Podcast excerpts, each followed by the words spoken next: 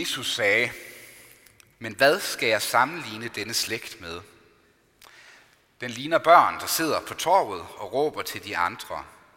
Vi spillede på fløjte for jer, og I dansede ikke. Vi sang klagesange, og I sørgede ikke. For Johannes kom, han hverken spiste eller drak, og folk siger, han er besat. Og menneskesønnen kom, han både spiser og drikker, og folk siger, se den froser og dranker, ven med tollere og syndere. Dog, visdommen har fået ret ved sine gerninger. Der begyndte Jesus at revse de byer, hvor de fleste af hans mægtige gerninger var sket, fordi de ikke havde omvendt sig. Ved dig, Korasin, ved dig, Bethsaida, for hvis de mægtige gerninger, der er sket i jer, var sket i Tyrus og Sidon, havde de for længst omvendt sig i sæk og aske. Derfor siger jeg jer, det skal gå Tyrus og Sidon tåleligere på dommens dag end jer. Og du, Kapernaum, skal du ophøjes, ophøjes til himlen. I dødsriget skal du styrtes ned. For hvis de mægtige gerninger, der er sket i dig, var sket i Sodoma, havde den stået den dag i dag. Derfor siger jeg jer, det skal gå Sodomas land tåleligere på dommens dag end dig. Amen.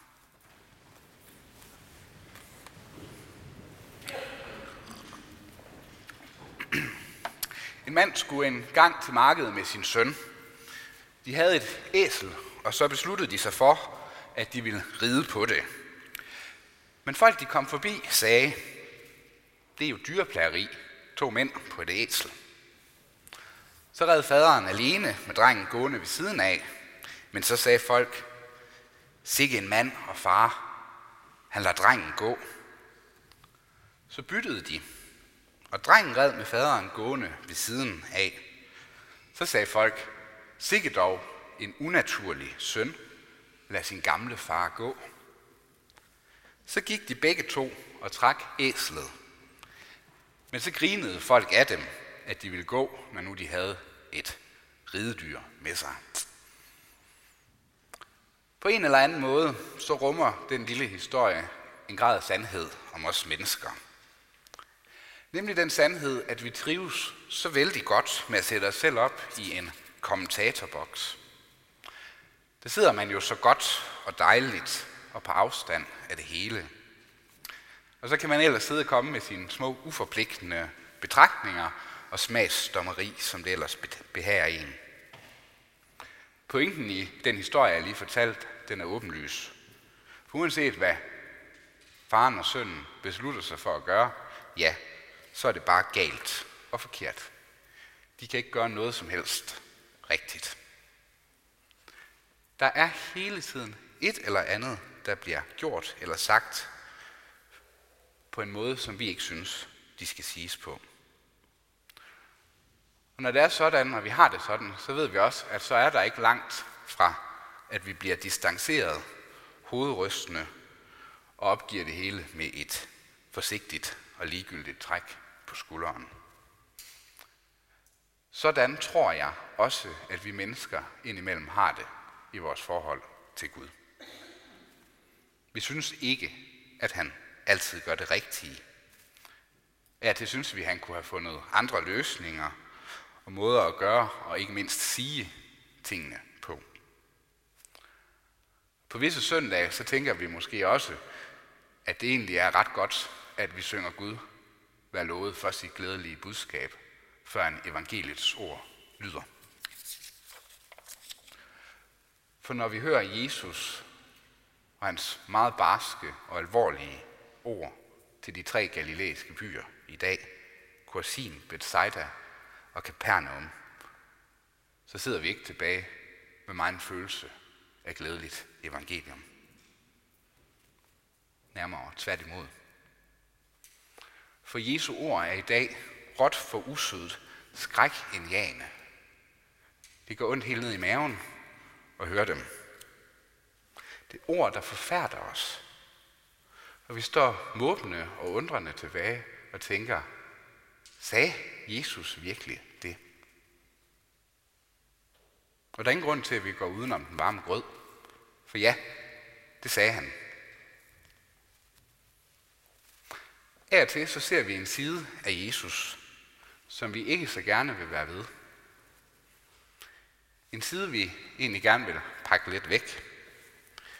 For vi vil jo allerhelst have ham, sådan som Thorvaldsen har portrætteret ham her i kirken over alderet. De udstrakte og de fagnende arme. Det milde ansigt med det kærlige, med de kærlige og tilgivende øjne. En helt gængs og meget klassisk måde at portrættere Jesus på. Og det er det med rette. For det er jo netop sådan, han altid tager imod os, når vi kommer til ham. Ubetinget, og det kan ikke understreges nok, så er vi der altid rummet helt og fuldt ud og taget imod som de mennesker, vi er. Men indimellem, så vil han gerne ruske lidt op i os.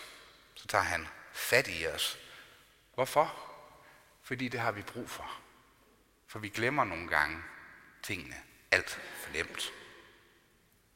Han vil gerne have, at vi netop kommer til ham, og at vi vedbliver med at komme til ham. Altså, at vi vender fronten og opmærksomheden mod ham, så vi kan tage hans ord til os i hjertet og i sindet.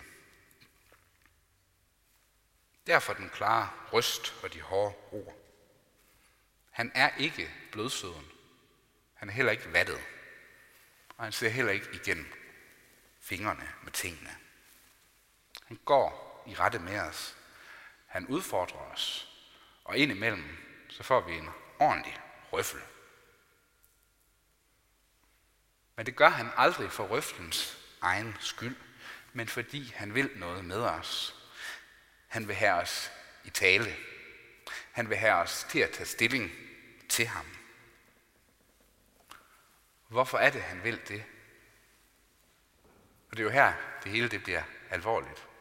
For Nytestamente og det bibelske vidnesbyrd fortæller os jo, at der kommer en dag, hvor der er afgrundsdyb forskel på, om man har taget Jesus Kristus alvorligt eller ej.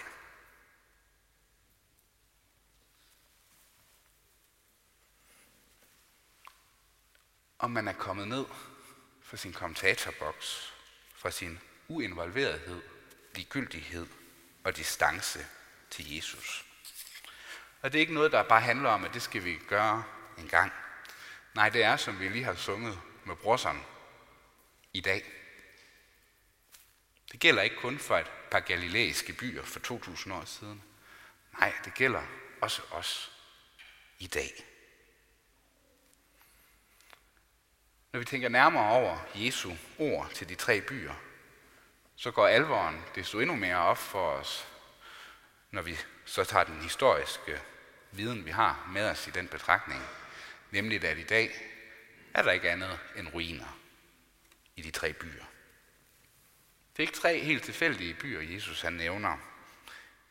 Det er byer, der har det til fælles, at det er steder, hvor nogle af Jesus mægtigste under og gerninger er sket. Ja, ikke bare det. Det er steder, hvor Jesus har bragt Guds rige og givet en forsmag på det, som han vil give os. De fik en forsmag på det. De havde alle forudsætningerne for at vende om og tage imod ham og lytte til ham. De var ganske vist forbløffede og fascinerede af Jesus, men de var ikke mere end det. De fulgte ham ikke. De blev ikke disciple. De holdt ham på en behørig og sikker afstand, så hans ord ikke kunne trænge ind til dem. Jeg siger Jesus, de er som en slægt af en flok sure og ugidelige børn, der bare ikke kan stilles tilfreds med noget som helst. Børn, der bare sidder og hænger henne på torvet, uanset hvad man gør for at få dem involveret og aktiveret, ja, så gider de det bare ikke. De vil hellere sidde og surmule i hjørnet og være ugidelige.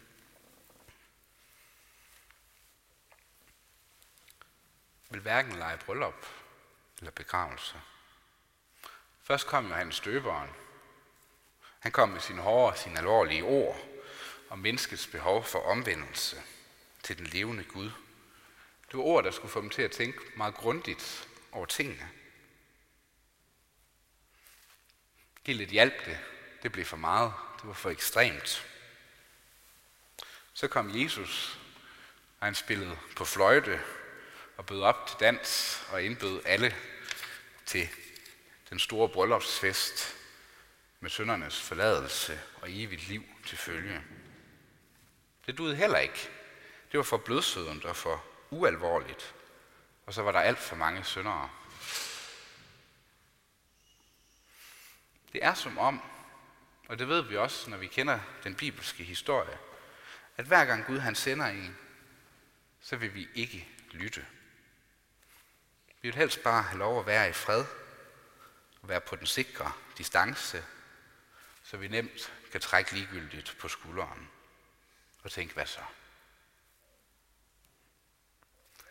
Når Jesus taler dunder i dag, så gemmer der sig også et glædeligt budskab i det. For Jesus er vred og ulykkelig. Det er han. Men hvad er det, han er vred og ulykkelig over? Ja, det er, at de ikke vil tage imod ham.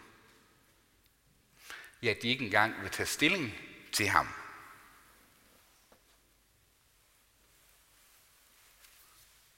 Det er Jesus største længsel, og det er grunden til, at han overhovedet er kommet til os. Det er netop, fordi han ønsker, at vi skal vende os mod ham. Så han kan få kontakt til os, så han kan nå ind til os, så han kan give os liv.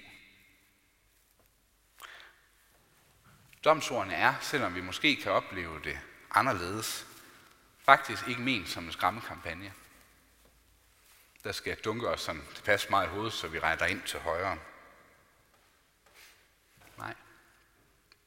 Det er et udtryk for Jesu grænseløse hengivenhed og kærlighed mod os.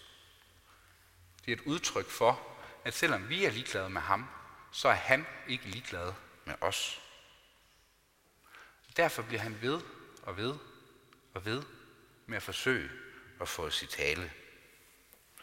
Det er den samme grænseløse hengivenhed og kærlighed, der gjorde, at han uden tøven gik op til korset, hvor han lå sig ydmyge, håne, lide og dø. Ikke for sin egen skyld, men for vores skyld. Så netop han kan give os adgang til det liv, der fortsætter med at pulsere, også efter døden er indtrådt. Så langt vil han gå for tre galilæiske byer. For Israel, ja for hele verden, ja for dig og for mig. Han inviterer os ud af vores ligegyldighed og så ind til livet. Han inviterer os til at forholde os til ham, og ikke bare forbigå ham med et let og simpelt træk på skulderen. Hvorfor gør han det? Søren Kierkegaard han fortæller en meget berømt anekdote om et teater, hvor der under forestillingen gik ild i kulisserne. Kloven løb ind på scenen og bad publikum om at forlade teateret. Men man troede, det var en vidighed, og klappede af klovnen. Kloven gentog sin advarsel. Og man jublede endnu mere, og derefter slutter Kirkegård af. Således tænker jeg, at verden vil gå til grunde under almindelig jubel af vidtige hoveder, der tror det hele er en vidighed. Jesus Kristus og hans budskab er ikke en vidighed, det er alvor. Han vil trække os ud af det brændende teater. Ja, han ønsker at frelse os. Og det vil han hellere end gerne gøre. Vil vi lytte til hans invitation? Man kan næsten ikke lade være med at tænke på, hvad Jesus må vil sige til os i dag. Vi lever jo på mange måder også i et område, hvor evangeliets ord har lyttet i over tusind år. Et land, hvor kristendommen har sat sit aftryk i vores kultur og i vores moral. Men vi lever efterhånden også i et land, hvor kristendommen har udviklet sig til at blive et pænt stykke kulturelt afgods. Jeg tror, at vi kunne trænge til at få stødet det lidt af igen. For kristendom er mere end et stykke flot finkultur, flotte bygninger og smukke figurer. Kristendom er relation. Det er relation til Gud. Til den Gud, der hverken er død eller en støvet museumsgenstand, der er gemt væk bag museets høje og tykke mure.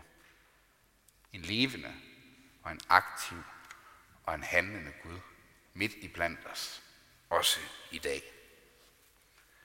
Det er det, vi søndag efter søndag i Guds nærvær samles om i kirken og i det kristne fællesskab. Netop for at høre det, for at blive mindet om det og for at erfare det.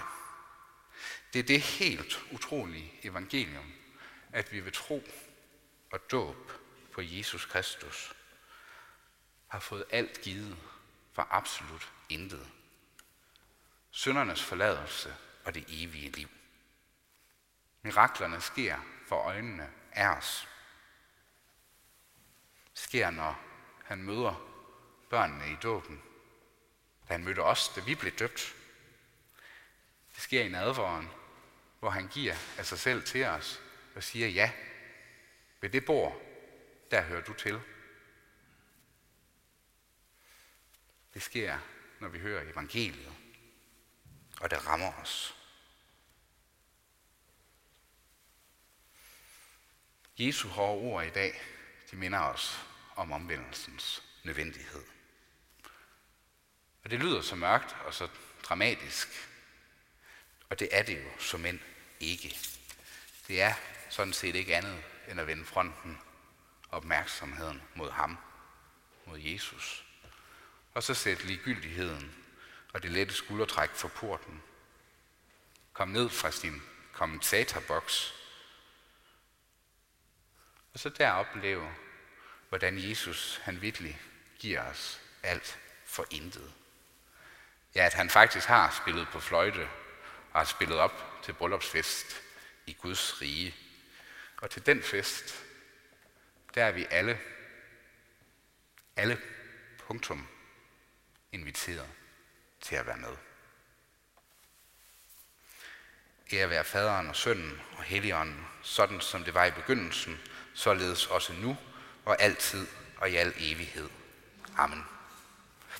Og lad os med apostlen tilønske hinanden, hvor Herre Jesu Kristi nåde, Guds, vor Fars kærlighed og Helligåndens fællesskab må være med os alle. Amen.